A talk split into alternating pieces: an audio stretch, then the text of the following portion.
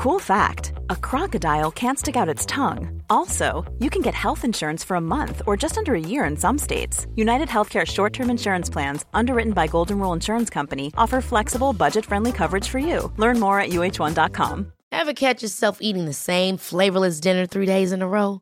Dreaming of something better? Well, HelloFresh is your guilt free dream come true, baby. It's me, Gigi Palmer. Let's wake up those taste buds with hot, juicy pecan crusted chicken or garlic butter shrimp scampi. Mm. Hello Fresh. Stop dreaming of all the delicious possibilities and dig in at HelloFresh.com. Let's get this dinner party started. There's never been a faster or easier way to start your weight loss journey than with PlushCare. PlushCare accepts most insurance plans and gives you online access to board-certified physicians who can prescribe FDA-approved weight loss medications like Wigovi and Zepbound for those who qualify. Take charge of your health and speak with a board-certified physician about a weight loss plan that's right for you. Get started today at plushcare.com slash weight loss. That's plushcare.com slash weight loss. plushcare.com slash weight loss.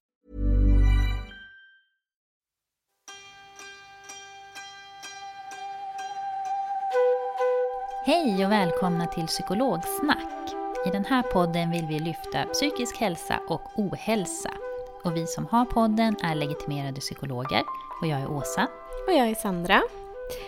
Och i veckan var vi på en fantastisk film, mm. Kungen av Atlantis. En film om hur det är att leva nära en person som har en psykisk sjukdom. Och dagens avsnitt kommer därför just handla om det.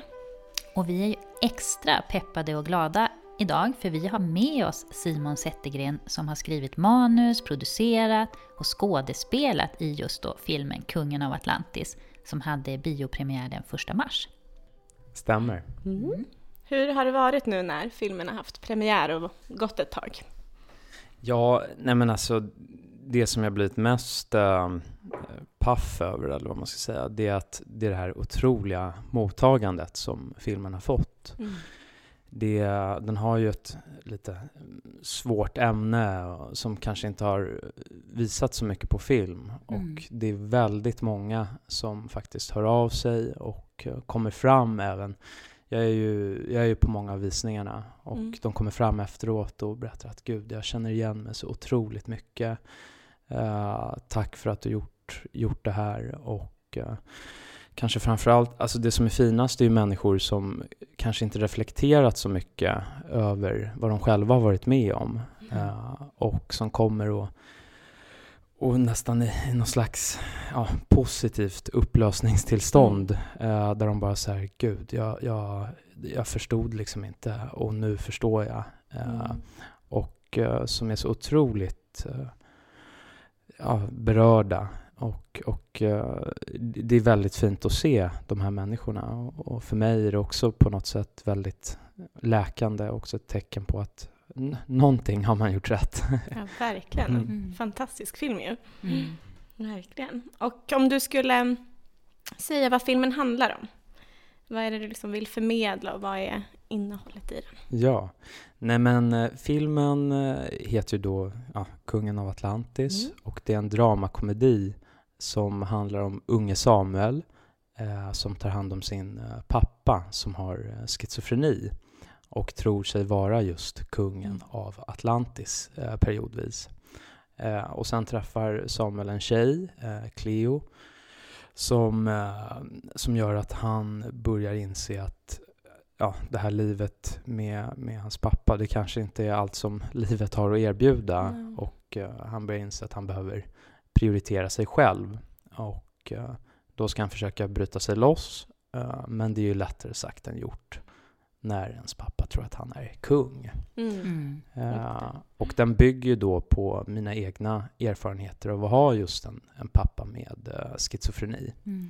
Uh, och ja, alltså den, den, har ju den här, det har ju fokuserats ganska mycket på just diagnosen schizofreni i media, vilket jag på sätt och vis tycker är jättebra, för mm. att det är bra att det, den frågan belys, belyses. Men eller blir belyst. Mm.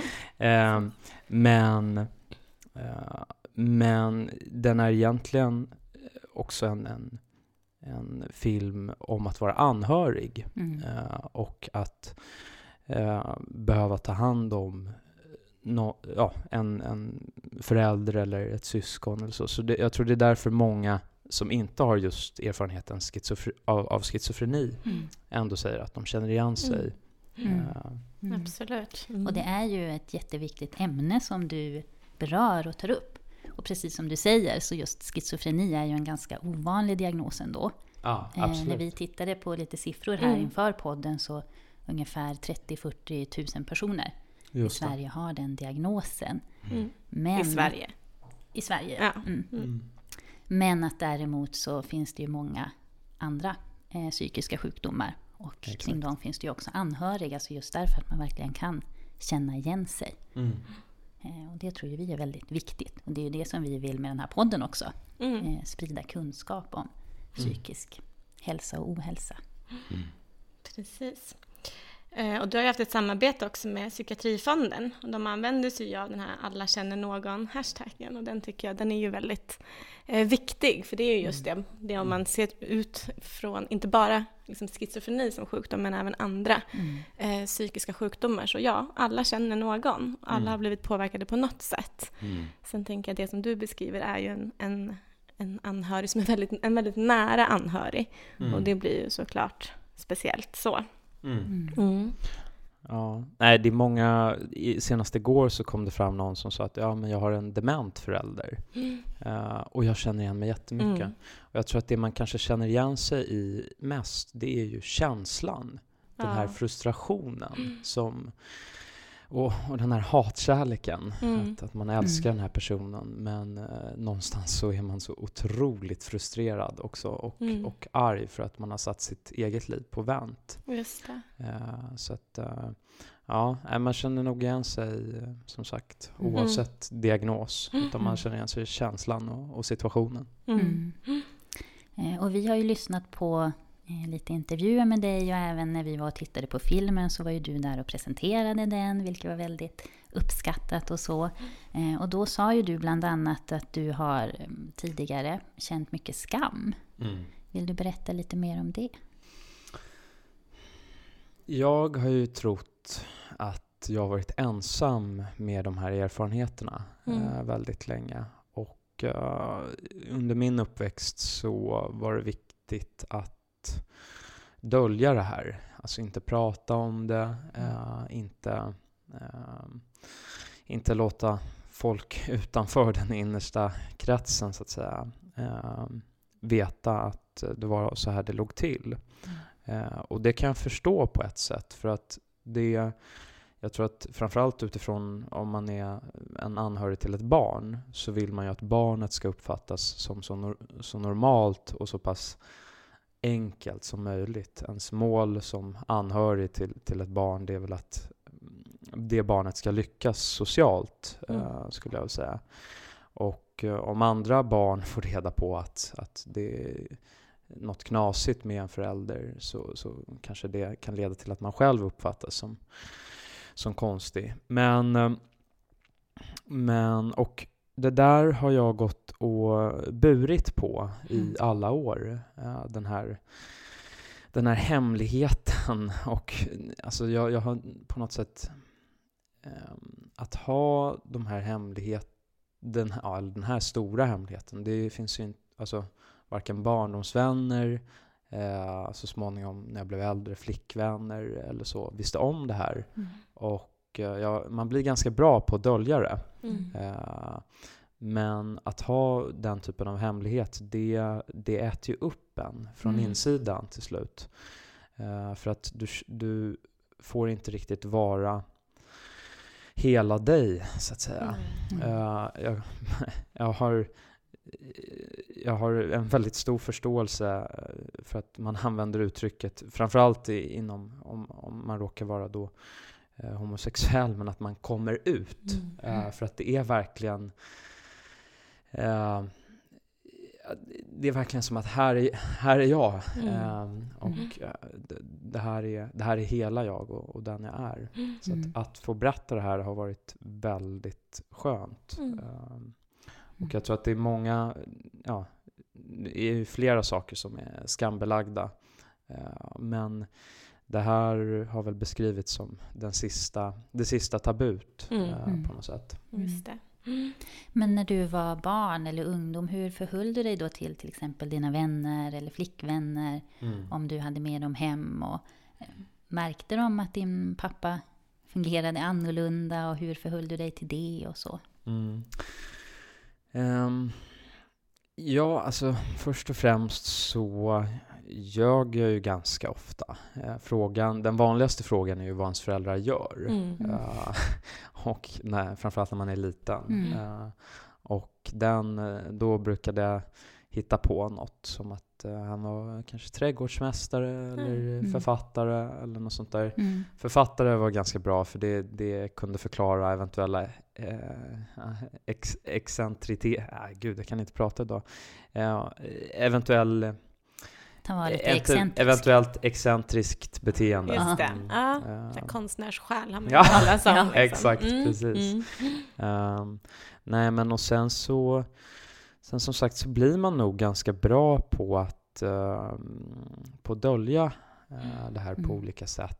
Eh, jag brukade försöka tajma, ibland så var pappa inlagd, så då, då brukade jag hem kompisar. Mm. Så kunde jag säga att ja, men han är eh, borta och reser eller något Just sånt där. det. Mm. Ja. Mm. Eh, jag känner igen lite det där. Jag har ju en mamma som har schizofreni. Så Är det nu- sant? Ja, Aha, så okej. jag kände igen mycket från filmen också. Ja. Eh, Men just det här med att dölja saker. Tror att jag var kanske i tioårsåldern och Ja. hon var nog inlagd en period då. Och här tycker jag är lite så här hjärtskärande fint hur jag tänkte och sa så här, nej men hon är inlagd, hon opererar blindtarmen. det är några månaders rehabiliteringar som hon är på. Jättestor operation. För att man inte, eller jag ville inte, visste väl inte vad jag skulle säga heller. Ja. Riktigt. just det. Mm. Så det kan jag känna igen. Oh, Mm. wow. Ja. Mm. Ja, det är ju liksom en diagnos, alltså schizofreni är ju en di- diagnos som är ganska missförstånd och det har jag också hört dig prata en del om Ah. liksom i, i intervjuer, hur du liksom ser hur andra har framställt eh, den diagnosen. Ja. Och man hör ju fortfarande att folk syftar till och tänker på en klyvd personlighetsstörning, alltså att man ska kunna inta olika personligheter och att skifta väldigt snabbt. Ja. Eh, men är det några andra liksom, missuppfattningar som du tycker att du möter på?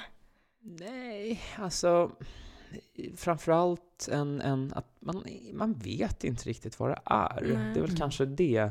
Och kanske den största, det kanske det största för mig missförstånd, det är väl eh, fel att säga, men, men det som är jobbigast är Mm. att så fort jag tagit upp ämnet, alltså, eller nämnt då för någon att så i lite äldre ålder att eh, ja, men, min pappa, han är sjuk med det här. Va?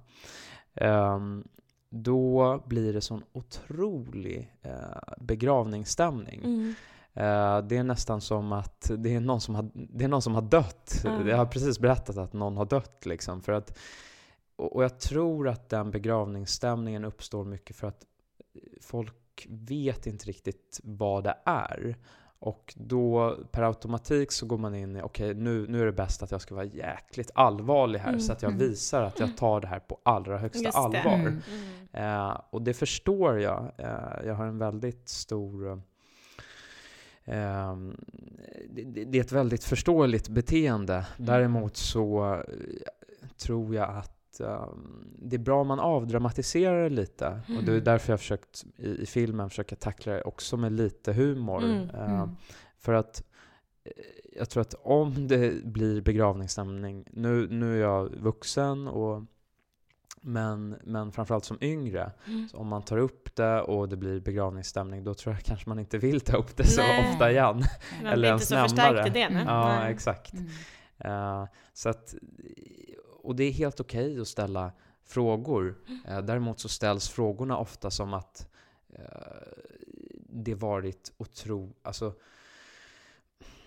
ja, men lite sådär som att någon har dött eller liksom... Och, och det, vore, det vore roligare, så att säga. Det vore, jag tror det vore mer konstruktivt att få frågor som Jaha, men hur var det då? Mm. Alltså, istället för att oj, det måste varit jättetufft för Mm. dig. Mm. Eh, för att det många glömmer bort tror jag, det är att som ställer de här frågorna, vilket är fullt naturligt Mm. i och för sig, Eh, men det är att det här har ju av mig eh, och av den som har växt upp så här allra oftast upplevts som fullkomligt normalt. Mm. Mm. Eh, och, eh, men, men för den som ställer frågan så är det jätte, eh, med, jättekonstiga erfarenheter. Mm. Och det är därför de här eh, vi, väl, ganska vinklade frågorna Ja. kommer. Mm. Mm. Mm. Men om du då skulle liksom på ett eget sätt få beskriva den här sjukdomen, hur, hur skulle du vilja liksom sätta ord på vad det är för någonting? Oj. Ehm, nej men rent medicinskt, nu, nu, nu är jag varken eh, läkare eller, eh, eller psykolog, men eh, så skulle jag väl beskriva det som en, en psykossjukdom som går, går i skov, Mm. eh, där man i perioder går in i vanföreställningar, man kan höra röster, man kan inbilla sig att eh, man är någon annan. Ehm, inte så mycket personlighetsmässigt som Nej. eh, fördomar Mm. eller miss, missuppfattningen ofta är, men kanske att eh, man snar... Ofta är det av någon typ av grandios tanke. Man kanske är Jesus. Mm. Och, och där har jag också...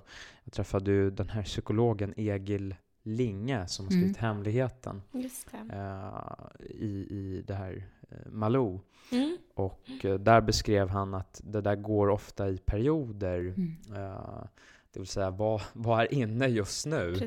Ehm, För att schizofreni fungerar ganska mycket som så att du, du uppfattar saker utifrån, du snappar upp saker. Och i mitt Mm. fall så var det väl så att, eller i min pappas fall, ja, snacka om medberoende.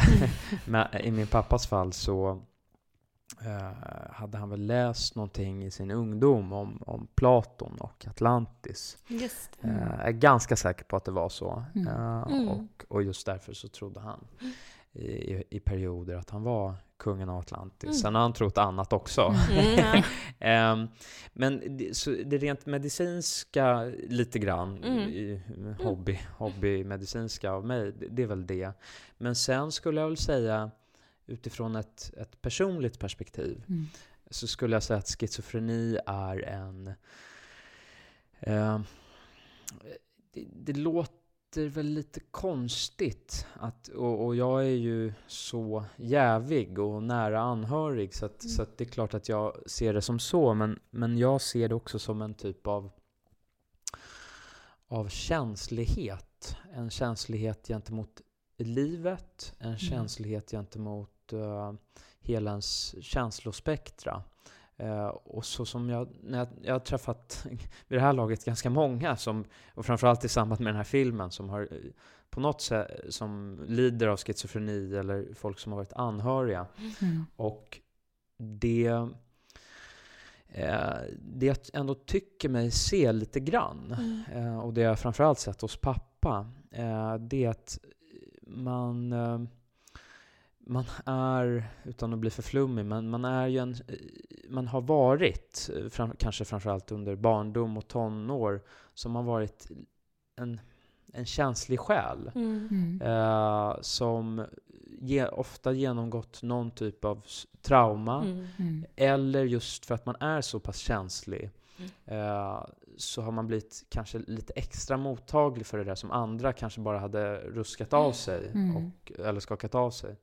Och, ehm, och i det så finns det ju på något sätt ändå och det, det är lite farligt att säga så för att folk har hört av sig efteråt och sagt att Nej, men det finns inget vackert med den här sjukdomen. Men jag kan tycka att det finns något, något ändå något fint för att de här människorna är så otroligt mottagliga för Mm. intryck.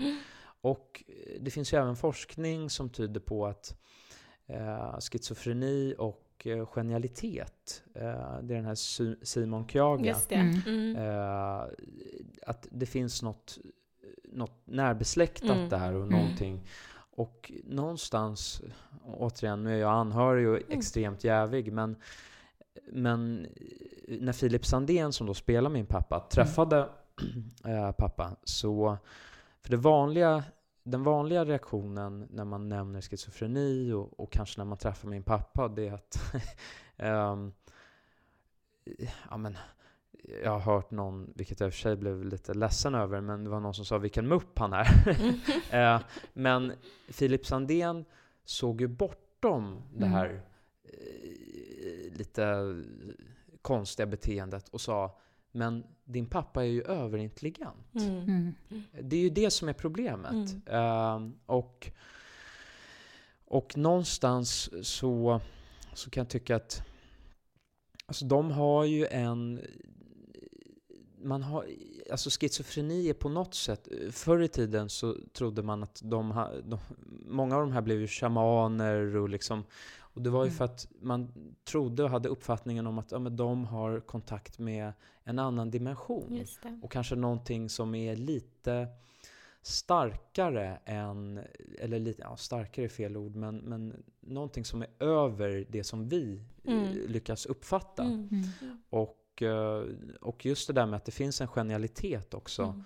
Eh, kanske att det finns en connection mellan den sjukdomen och eh, Mm. just att vara ett geni eh, på det. något sätt.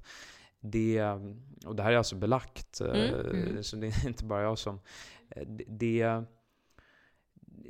Ja, jag, jag, jag vill ändå lyfta fram det Absolut. lite också. Mm. Men, men sen som sagt så är det jättesvårt och det Mm. finns eh, otroliga baksidor och, och Mm. det här drabbar ju familjer jättestarkt. Ja. Mm. Mm, absolut. Men jag tycker något som var fint i filmen och som, du, som jag även hör här nu Mm. är ju att du också lyfter fram liksom människan Mm. bakom diagnosen. Att man Mm. inte bara blir sin schizofreni som många tänker att ja, men det här är bara en schizofren person. Mm. Att det finns ju en, en människa där bakom och Mm. att det finns en personlighet och som du säger som kanske inte påverkas eh, heller utan att det finns mycket kärlek och värme också. Mm. Mm. Jag tycker det är, det är ju jätteviktigt för, för idag, eh, idag kanske mer än någonsin tror jag, jag har inte levt så himla länge, men, men eh, så, så sätter man ju diagnoser på folk, eh, inte minst bokstavskombinationer Mm. och sådär. Och eh, vilket på ett sätt är, är, är säkert är jättebra för att folk får den hjälp de behöver. Men jag tror det är jätteviktigt att komma ihåg att just att man är inte sin diagnos. eh, utan man är ju faktiskt den där personen Mm. bakom. Och, och därför är jag jätteglad att, att du ändå såg, såg det i filmen också. Mm.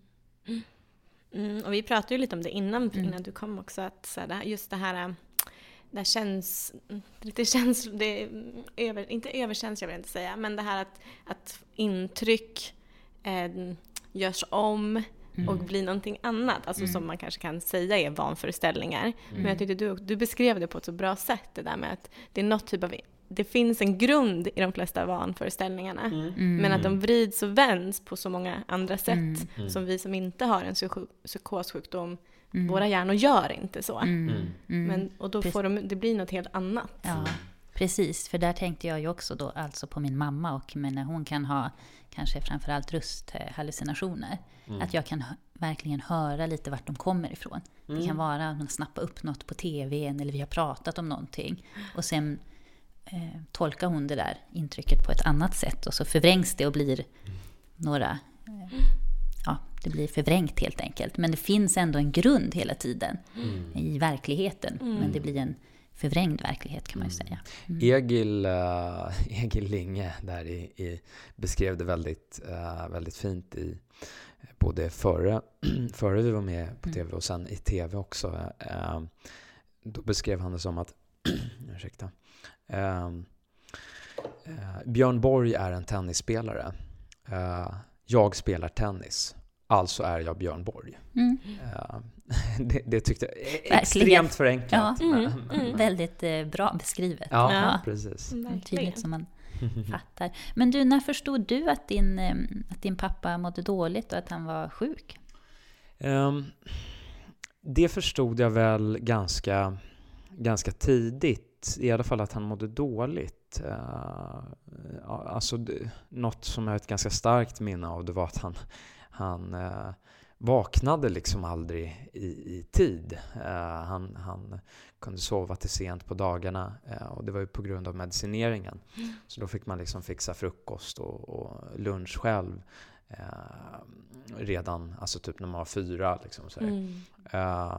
Men så att, att, han, att han inte mådde, mådde så bra, det förstod jag ganska tidigt. Mm. Däremot att det här inte var normalt för andra. Mm. eh, det förstod jag först i 22-23 års åldern. Mm. Eh, för det var eh, först då som poletten trillade ner.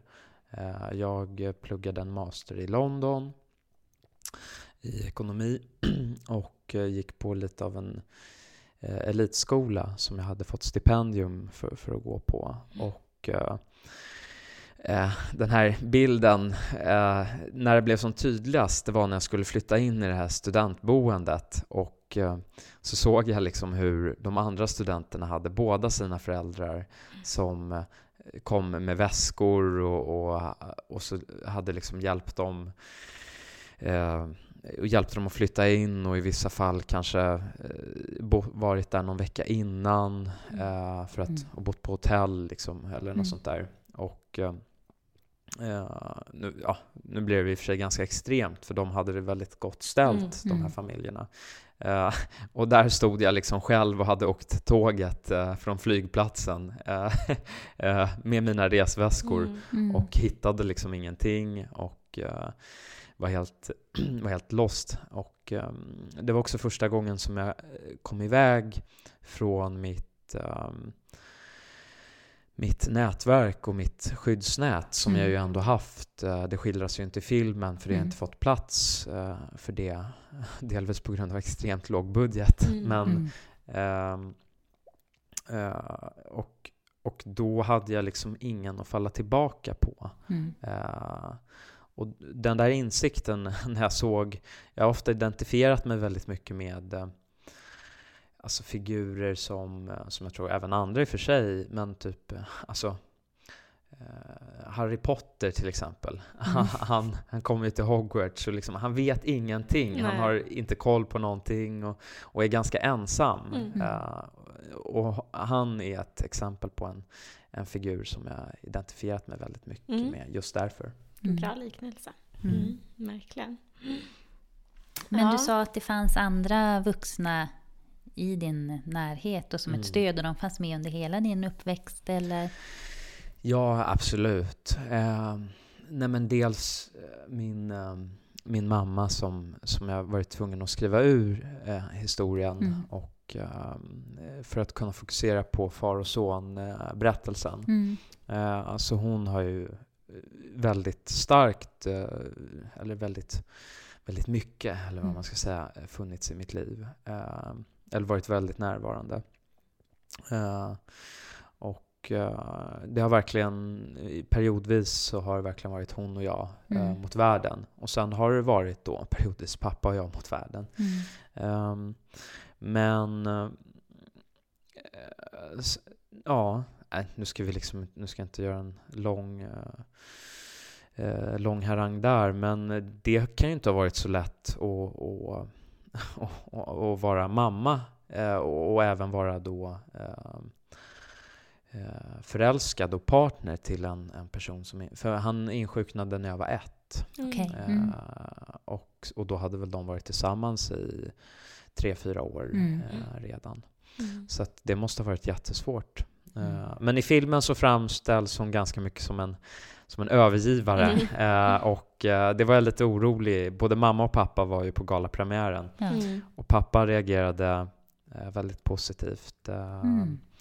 eh, och blev liksom han blev kvällens, kvällens hjälte på något sätt. Mm. Han fick ju komma upp på scen och Mm. fick stående ovationer. Det var, Ja, vad fint. ja, det var en otrolig... eh, jag blir faktiskt väldigt... eh, jag blir rörd uh, bara jag tänker på det. För att Mm. han... eh,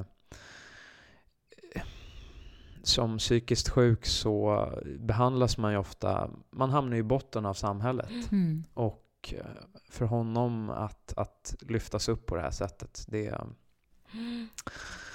nej, det, var, det var mäktigt faktiskt. Mm. Men ehm, jo, hon framställs ju och då var jag väldigt orolig över hur mamma skulle Ja. reagera. Mm. Ehm, men då kom hon fram till mig efteråt och sa ja, jättebra film och jag är så stolt över dig. och jag är så glad att jag slapp vara med i filmen. Ja. så båda var rätt nöjda då? Ja. ja det Ja. låter så. Härligt. Men du, hur kommer det sig, jag tänker, för du sa att du läste ekonomi Mm. i, i London, eh, att just film blev ditt uttrycksmedel? Um, jo, alltså jag hade sysslat med, eh, med film och eh, skådespeleri eh, under, ja, sen jag var 17 egentligen. Och för mig hade ju det blivit någon slags eh, tillflyktsort eh, där jag kunde vara eh, någon, någon annan än, än en son, som jag uppfattade mig själv då, en son till en, en tokig pappa. Ehm, och och eh, sen så sen där i London så kom jag ju till insikt om, om det här och eh, om att min pappa var, inte var som alla andra och att det här inte var så normalt som jag hade trott. Och eh, då så kände jag ett väldigt starkt behov av att nu, nu behöver jag försöka göra någonting. Alltså, jag, jag, kom ju till en punkt där jag hade, jag hade svårt att komma upp på morgnarna liksom, för att jag hade det var också en ganska intensiv utbildning. Det Mm. var, eh, man gjorde två år på ett år. Eh, och, eh, och så var det på engelska och allting. Så att, så att redan där, och så var den ju väldigt dyr också och jag hade det här stipendiet. Och kuggade man någon tenta en gång för mycket så, så blev man religerad. Eh, Ja, höga krav. ja, Mm. precis. Så att jag, jag hade... Det, var- det var liksom den pressen Mm. Plus den här psykologiska pressen och insikten om att... Så jag mådde faktiskt väldigt dåligt Mm. eh, under den här perioden. Och eh, då blev det som någon slags livboj för mig att börja skriva på det här manuset. Och jag tänkte väl att om jag ska lyckas in, berätta någon historia i något media eh, så är det väl kanske film då som Mm. ligger närmast. Mm. Eh, jag har också, jag hade producer, producerat ett, två kortfilmer innan. Eh, som båda för övrigt är lite så här, eh, fad, alltså det handlar om män, eller unga, en ung man som eh, har problem på ett eller annat sätt med, med sin, som är faderslös på ett Mm. eller annat sätt. Va? Eller en icke närvarande pappa. Mm. Eh, men till slut så kände jag väl att, för jag hade ju flytt väldigt länge eh, och snarare använt det här, mina erfarenheter som en slags motor och en kraft i mitt skådespeleri. Men till slut så kände jag väl att nu är det nu är det dags att försöka tackla det här heads on. Men för mig var det jätteviktigt att det inte skulle bli någon slags navelskådande berättelse Mm. och eh, inte en tyck synd om, tyck synd om mig-berättelse utan också en absolut en berättelse som, som handlar om till viss del den här sjukdomen och, och hur den påverkar de här två karaktärerna, far och son. Men kanske framför allt en, en coming of age-berättelse om en ung man som måste bryta sig loss. Mm. Som, som jag hoppas och tro, hoppades och, och, och trodde att flera skulle kunna knyta an till för att det är en, en ganska klassisk historia eh, Mhm. på så vis. Mm. Mm. Absolut. Var det svårt för dig, jag tänker i verkliga livet, när du skulle bryta dig loss? Eh, jag tänker att när, alltså den... Att bryta sig loss är, är ju egentligen en ganska eh, intern... Alltså det, det är en ganska... Det, det sker, den processen sker ju ganska mycket inombords. Mm. Eh, det fick man försöka externalisera på olika sätt i filmen. Mm. Men att bryta sig loss är väl någon, på något sätt att komma, att få gå igenom alla de här eh, olika känslorna som man har. Det känns ju nästan som att det varit de här, är det de sju, sju stegen of, of grief? Eh, Mm. he- Heter det inte så? Något sånt där. Att man, först är man arg och sen Mm. eh, kan man inte fatta det och sen Mm. Mm. och till slut så når man någon slags acceptans. Mm. Och eh, mycket så var det för mig där i, i 22-23 års åldern Mm. att jag fick tampas mycket med mig själv Mm. och mina egna känslor av, av ångest och, och framförallt kände jag en stark känsla av orättvisa. Mm. Varför just jag? Mm. Eh, varför hände det här min pappa och, och min familj, så att säga? Och ehm, där så får man ju... ehm, det, det, det kan bli väldigt mörkt. Otroligt mörka känslor. Har du Mm. haft något stöd? Jag tänker, eller fått hjälp, till exempel träffat psykolog eller så, för Mm. att hantera de här känslorna eller ta hand om de känslorna på dig? Alltså just i, just i London så var jag ju extremt ensam. Mm. Mm. Jag, jag förstår att, att poletten trillade ned då, för Mm. att jag kom som sagt bort från allting. Mm. Men på många sätt var det ju extremt dålig timing. Mm. För jag kände ju knappt någon i London. Mm. Eh, Jag hade liksom inte min familj. Och, så att jag var väldigt ensam med, eh, med och hade nästan ingen att prata med. Mm.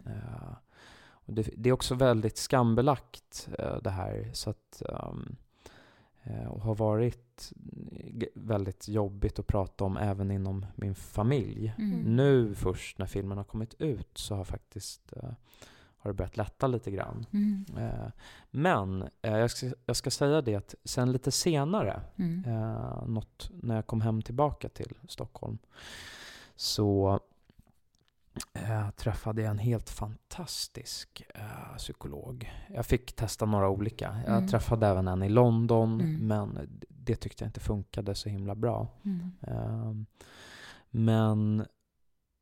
Och det är han, det är den psykologen som eh, hjälpte mig otroligt mycket. För att jag hade ett mönster. Jag lyssnade lite på ert avsnitt om perfektionism. Mm. Eh, och jag tror att jag kanske delvis hade väldigt mycket sånt beteende. Eh, ställde väldigt otroligt höga krav på mig själv. Mm. Mm. Eh, och sen hade jag, och har delvis, men, men det var mycket värre då, en, en väldigt dålig självkänsla. Eh, som gjorde att jag sökte bekräftelse på sätt som kanske inte alltid var så konstruktiva. Mm. Eh, och också att jag hade ett mönster som var att jag eh, om jag gjorde fel så räckte det liksom inte med att jag hade gjort fel och ofta när man gör fel så leder det till någon dålig konsekvens. Man kanske, det är någon relation som förstörs eller man, eh, ja, du, vad det nu kan vara, om man har placerat pengar fel, om man sysslar med ekonomi så, ja men då förlorar man pengar Mm, liksom. Mm. Men, men, ehm, men för mig räckte liksom inte det att jag gjorde fel och de konsekvenserna, utan jag började ofta, lite som Dobby i Harry Potter, jag började slå ner på mig Mm. själv Mm. eh, och straffade mig själv på olika sätt. Jag kunde prata med mig själv på ett sätt som var eh, väldigt, ja, eh, löjligt ord, men taskigt. Mm, så, så som en mobbare hade pratat. Självförakt. Ja, Mm. exakt. Mm.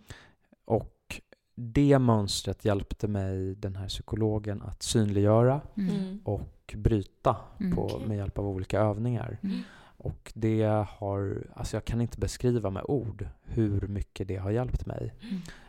Eh, för att, att jag slog ner på mig själv, det gjorde att jag eh, själv hamnade i en jätteond spiral. Så att istället för att det blev fel, okej, ja men det blev fel, då går vi Mm. vidare. Eller liksom, jag lär mig att gå vidare. Mm. Eh, och jag gjorde ändå mitt bästa. Så kunde jag hamna i, i liksom ett självhat som kunde eh, hålla i, i, i flera dagar, i, ibland Mm. till och med i veckor. Liksom. Mm. Mm. Eh, Mm. Så att, eh, otroligt vad... Men jag tror också det om, om det är någon där ute som, som överväger och För mig var det en jättestor tröskel att träffa Mm. en psykolog. Mm. Eh, för att det var som att erkänna att jag hade... Dels att jag hade problem Mm. och dels så kändes det väldigt... Ja, det kändes, kändes väldigt typiskt att att jag, det kändes lite som att om jag träffade en psykolog så närmade jag mig min pappa eh, på något sätt. Mm. Att jag erkände att jag själv var typ sjuk Mm. eller liksom hade Just. problem.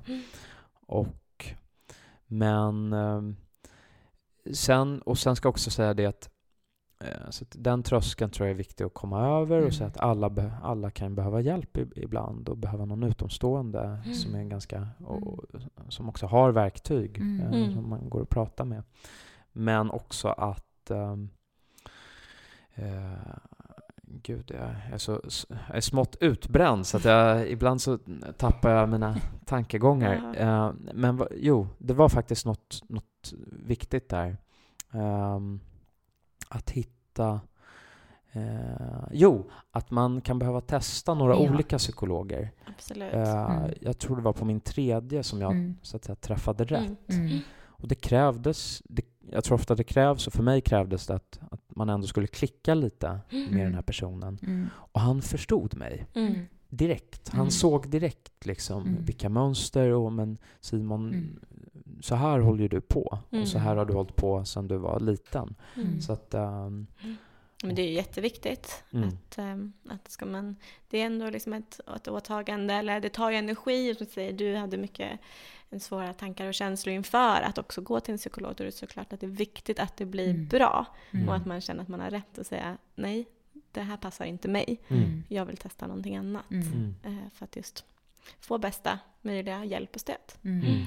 Mm. Men i övrigt då, om man tänker liksom vården, har, har du blivit liksom erbjuden någon typ av stöd som anhörig eller hur har du upplevt den svenska vården gällande med både din Mm. pappa men också vad du har fått för typ av intryck och hjälp? Mm. Jag brukar vara lite försiktig med att uttala Mm. mig Mm. om, om vården. För att, dels för att eh, jag, jag har liksom aldrig velat närma mig så särskilt mycket. eh, Mm. Just för att vi har ändå försökt mörka det här ganska Mm. mycket. Mm. Så då, har- ja. Och som sagt, då har det varit som ett... Om man kontaktar någon eller, eller visar upp väldigt tydligt att ja, nu är det inte så bra. Då, då är det som att erkänna Mm. att det finns ett problem. Just det. Eh, men jag, jag har aldrig liksom blivit erbjuden sådär. någon- Nej. Men jag, vet, jag, jag tror mig ha hört nu att eh, man har infört någon slags anhörigprogram Mm. Mm. inom sjukvården. Mm. Mm. Så det tycker jag låter jätte, Mm. jättebra. Mm. Mm. Det är viktigt. Mm. Mm. Ja, Jag tror att synen på när man tänker kring behandlingen av schizofreni kanske under årtionden har gått från att man kanske tidigare inte involverade familjen så mycket till att man idag kan se familjen som en resurs och ett stöd Ja. och att man kan Mm. samverka Mm. eh, kring den som är sjuk då helt enkelt. Mm. Just Och att det är viktigt också att anhöriga kan få lära sig mer. Nu finns ju, man kan ju på egen hand hitta mycket information, jag tänker på nätet. Ja. Mm. Om jag tänker tillbaka när jag var liten, då fanns ju inte internet. Nej, Så att då, kunde man, då var det svårt att hitta den informationen. gud Men ja. det finns det ju, och poddar och andra forum, Mm. eh, filmer. ja. Mm. Just det. Ja, men om du ser tillbaka då, liksom, nu, nu har du mycket kunskap och vet mycket om det här. Vad skulle du önska att du visste när du var yngre? Eller vad skulle du vilja säga till dig själv när du var barn? Liksom? Mm. Ehm, jag... ehm, jag hade nog sagt mycket... eh, om jag hade fått prata med mig själv Mm. när, när jag var barn, Mm. då hade jag nog sagt att eh, det, finns en, det finns en slags mening med allt det du går igenom. Mm. Eh, för att jag tror att det är jobbigt att uppleva det som meningslöst och också om man vet att det finns någon typ av mening, man vet ju inte vad, men, men kanske någonting, då, då kanske man eh, orkar sig igenom de här jobbigare stunderna lite mer.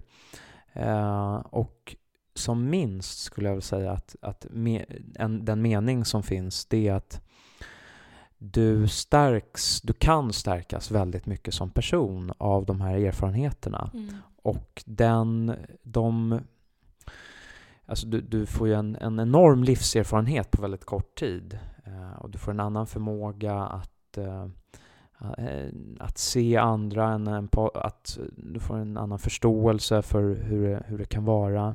Mm. Och du får också, tror jag, no, någon typ av eh, vad ska man kalla det för, men, men eh, en, ja, men lite, alltså en slags um, en slags känslighet inför livet men som är ganska positiv. Mm. Alltså, som du förhoppningsvis kan kanalisera på något bra sätt mm. eh, när du blir äldre. Mm. Och om någon hade sagt det här till mig när jag var liten, att ja, men det finns en mening och du kommer kunna vända det här till något konstruktivt. Eh, det hade varit väldigt skönt. Eh, sen eh, hade jag nog försökt att träna på eh, eller gett tipset att börja öva på att vara snäll mot dig själv av mm. anledningen som vi talade om. För att mm. även som barn eh, och som tonåring och ung vuxen så tror jag att det är lätt att man klankar ner på sig själv mm. och an- tänker att amen, det här är av någon anledning. Det är ju ofta så vid en skilsmässa till exempel så skyller barnet på sig själv. Mm. Uh, och uh, bara träna sig själv på att vara att känna att man räcker till. Mm. Uh, det är väl det. Och, uh, och sen kanske slutligen, som vi också redan varit inne på, men att det finns ingen skam i att uh, be om hjälp. och söka hjälp. Mm. mm. Om man känner att man behöver det. Mm. mm. Ja, verkligen. verkligen. Det är ju någonting som vi vill att man verkligen ska söka hjälp. Och som jag mm. tycker du beskrev så fint där också. Att mm. även om tröskeln finns, att försöka ta sig över den. Mm. Och idag är det ju ändå lite lättare skulle jag säga. Mm. I och med att det ofta finns psykologer på vårdcentraler. Det finns många digitala vårdcentraler nu. Så att det här steget kan bli mindre. Mm. Eller lägre. Att mm. faktiskt eh, ta den här hjälpen. Okej. Okay. Om man inte har sett den här fantastiska filmen än då, mm. Kungen mm. av Atlantis, vad mm. kommer man kunna se den framöver? Ja, um, nu vet jag inte exakt när, när det här kommer. men, men förhoppningsvis så går den fortfarande på bio. Mm. Uh, den visas på bland annat uh, Saga, Sita och Victoria i Stockholm. Mm. På Hagabion i Göteborg. Mm. Och på Folkets bios hemsida så går den på, på olika Eh, där finns det tider i, på, i olika orter mm. Eh, och städer. Ehm, men eh, sen är ju såklart vår förhoppning att, att den ska gå att se på nätet så mm. småningom. Mm. Någon form av streamingtjänst. Just det. Mm. Men det är något vi, vi jobbar flitigt med just nu. Mm. Okej. Okay. Mm. Ja, vi rekommenderar ju verkligen varmt alla ja. att gå och se eh, Kungen av Atlantis. Mm. En väldigt fin och varm film. Superbra. Kommer du jobba vidare med det här på något annat sätt? Liksom det här. Eh, ja, eh, alltså det, det, jag har tagit med mig väldigt mycket eh, från den här erfarenheten och det, det, det, kan jag ändå säga, om det är någon där ute som har liksom eh, som har det tufft på något sätt. Så jag kan säga det, jag hade nog aldrig klarat av att göra den här filmen, eh, alltså att göra en långfilm mm. Eh, ut, utan resurser knappt och, och sådär, om jag inte varit med om de här erfarenheterna med, med, min pappa. För att eh, man, man blir extremt tålig äh, mot, mot, för motgångar. Mm. Uh, du lär dig att tackla dem på ett sätt uh, som är så att, och det jag tar med mig det är väl att aldrig, aldrig, aldrig, aldrig ge upp. Alltså mm. fortsätt, om det är någonting som man tror på av hela sitt hjärta och man gör med hjärtat så, så ge inte upp. Mm. Uh, och för mig har det varit en otrolig, alltså jag har lärt mig så väldigt mycket för jag har fått samarbeta med otroligt duktiga människor, inte minst alltså Filip Sandén och, men även på produktionsnivå eh, så, så, har det varit så duktiga människor, framförallt i postproduktionen, som eh, jag gärna vill samarbeta med och lära mig mer av mm. eh, igen. Eh, så det är såklart någonting jag men just nu, jag vill bygga vidare på. Mm. Men just nu, sådär i nära anslutning så jag hade tre dagars semester förra året. Ja. Så att jag längtar efter lite sammanhängande semester. Ja. Förstår det. Och sen får vi se vad som händer. Mm. Mm. Mm. Återhämtning är också viktigt. Ja, Verkligen. Det behöver man ju verkligen. Det Ja. låter som att du har haft en väldigt intensiv, ganska lång period som har varit Ja. intensiv om man säger så. Mm. Okej, Mm. ska vi börja avrunda?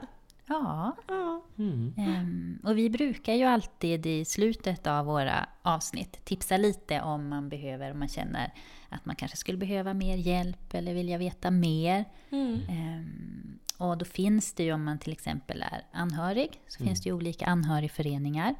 Eh, och jag kikade in på hemsidan för Nationell samverkan för psykisk hälsa. Och där listar de ju flera olika anhörigföreningar för flera olika diagnoser. Så där kan man ju kika in. Tycker också är man lite yngre och lyssnar så kan man titta in UMOs hemsida, alltså ungdomsmottagning på nätet. De tar också upp anhörigperspektivet Mm. på ett bra sätt. Och sen kan man ju alltid vända sig till sin vårdcentral också för att få guidning och hjälp vidare om man behöver stöd. Okej. Ja, men stort tack Simon för att du tog dig tid att komma hit och vara med och prata om det här viktiga ämnet. Ja, vi är ju så imponerade av dig. Ja, Ditt eh, engagemang och filmen du har gjort. Och Åh, wow. Fantastiskt. Tack så Verkligen. jättemycket. Tack för att jag fick komma. ja jättekul. Och så tack till, till Jenny Segerheim också som har hjälp, hjälper oss med inspelningen, ljud och klippning. Ja, och ett stort tack till Ulf Solulf Fällman Svedlund som lånar ut sin låt Pianot till podden. Tack!